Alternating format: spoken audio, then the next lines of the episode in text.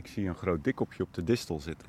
Dat is een vlinder. Ja, dat is zeker een vlinder. En uh, nou ja, dit gebied uh, met heel veel uh, kruiden en ruigten en struiken, wat heel goed is voor de grauwe klowier, is ook echt een insectenwalhalla. nou, dat is goed voor de sprinkhanen die de grauwe klowier eet en rupsen die daarin leven, maar ook voor dagvlinders. En we zien nu dus een, een speerdistel. En ja, veel mensen denken distels zijn, is onkruid. Uh, prikt heel erg, uh, het neemt de hele tuin over. Maar distels zijn heel erg belangrijk voor, uh, voor dagvlinders, want ze hebben heel veel nectar in zich.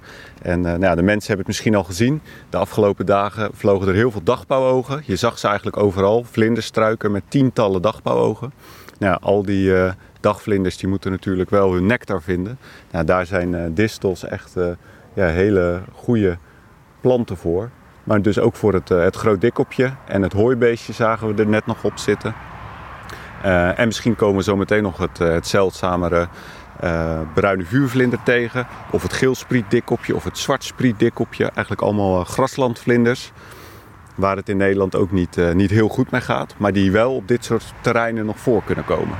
Ja, en ik wil het nog even verder hebben over de grauwe klauwier. Want die zagen we een klein stukje terug. Die hebben we met rust gelaten, want hij heeft daar zijn nestje. Nu staan we op een eh, plek waar we hem in ieder geval even niet zien. Maar ik zie hier wel de meidoorn staan. En volgens mij was dat een struik waar die net ook bovenop zat. Maar er zitten allemaal van die stekels aan. Ja, ja dat is inderdaad een, eh, een struik met, uh, met doorns. En ja, de, de grauwe klauwier kan er gewoon bovenop zitten. Eigenlijk heel veel vogels kunnen daarop zitten zonder dat ze last hebben van die stekels. Want dan gaan ze gewoon tussen zitten. De grauwe klobier gebruikt zo'n uh, zo'n mijndoorn ook als voorraadkast. Dus hij prikt daar zijn uh, gevangen insecten op, zoals een, uh, een kever. Die hij op dat moment nog niet gaat opeten. Of die de jonge vogeltjes of het vrouwtje nog niet gaan opeten. En die bewaart hij daar. En dan kan het zijn dat je een meidoorn tegenkomt met ja, diverse insecten opgeprikt. Soms zelfs een, een, een hagedis. Een zandhagedis bijvoorbeeld, of een levendbarende hagedis als hij die, die heeft gevangen. En het ja, het neefje van de grauwe klauwier, de klapekster. Daar hebben jullie het uh, wel eens vaker over ja, gehad. De, de slager van de Veluwe heb ik hem genoemd. Ja, zo heb jij hem genoemd inderdaad. Ja. dat is misschien een beetje luguber. Want, uh... Maar het leek er wel op, want inderdaad, het is toch uh, idioot dat een vogeltje prooien vangt, dat snap ik. Maar dat hij ze op gaat zitten prikken aan een boom, aan een meidoorn, dat is toch heel bijzonder? Ja, dat is heel bijzonder. Maar het is dan de ecologie van deze, van deze vogelsoort, dat hij dat doet. En dat doen eigenlijk alle klauwieren. Um, bij zo'n grauwe klauwier uh, is het vooral om echt uh, ja, het voedsel te bewaren tot uh, de jongen nog weer meer voedsel nodig hebben. En bij de klapekster ja, gebeurt het op het moment als die één grote prooi heeft gevangen. Want die, die klapeksters vangen ook wel muizen. Nou, dat is wel heel veel voedsel voor, voor zo'n vogeltje. Het is een klein, ja, bijna een roofvogeltje eigenlijk.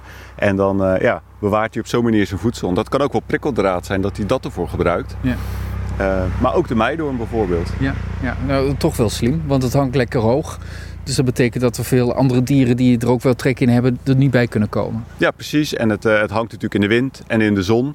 Dus ja, op zo'n manier uh, ja, wordt het bijna geconserveerd, zou je kunnen denken. Ja, toch een beetje de slager die droogt zo de worsten.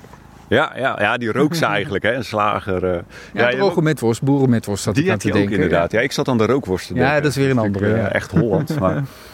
En um, um, Even kijken, de klapekster, die zit hier in de winter, toch?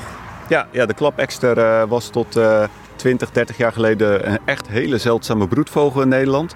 Een van de laatste plekken waar die gebroed heeft is ook hier in de buurt. Dat is uh, op vliegveld Delen. Nou ja, dat is niet meer. Uh, dus die zit hier alleen in de winter. En dat zijn vooral vogels uit ja, het noorden of uit het oosten die hier dan naartoe komen om de winter door te brengen. Omdat het hier net wat minder koud is dan daar. Uh, en de grauwe klowier is hier eigenlijk alleen in, in de zomer om te broeden. En die trekt dan juist weer naar het zuiden toe om daar te overwinteren. Wil je ze zien?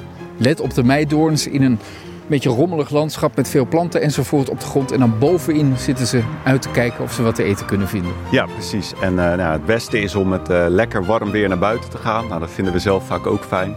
Uh, en dan, dan moet het goed gaan komen. En niet te vroeg, vertelde je een uur geleden al, want ze slapen uit. Ze slapen uit en dat vind ik ook altijd heel fijn. We horen nu ook op de achtergrond de veldleeuwerik. Dus ja, het is een fantastische locatie hier.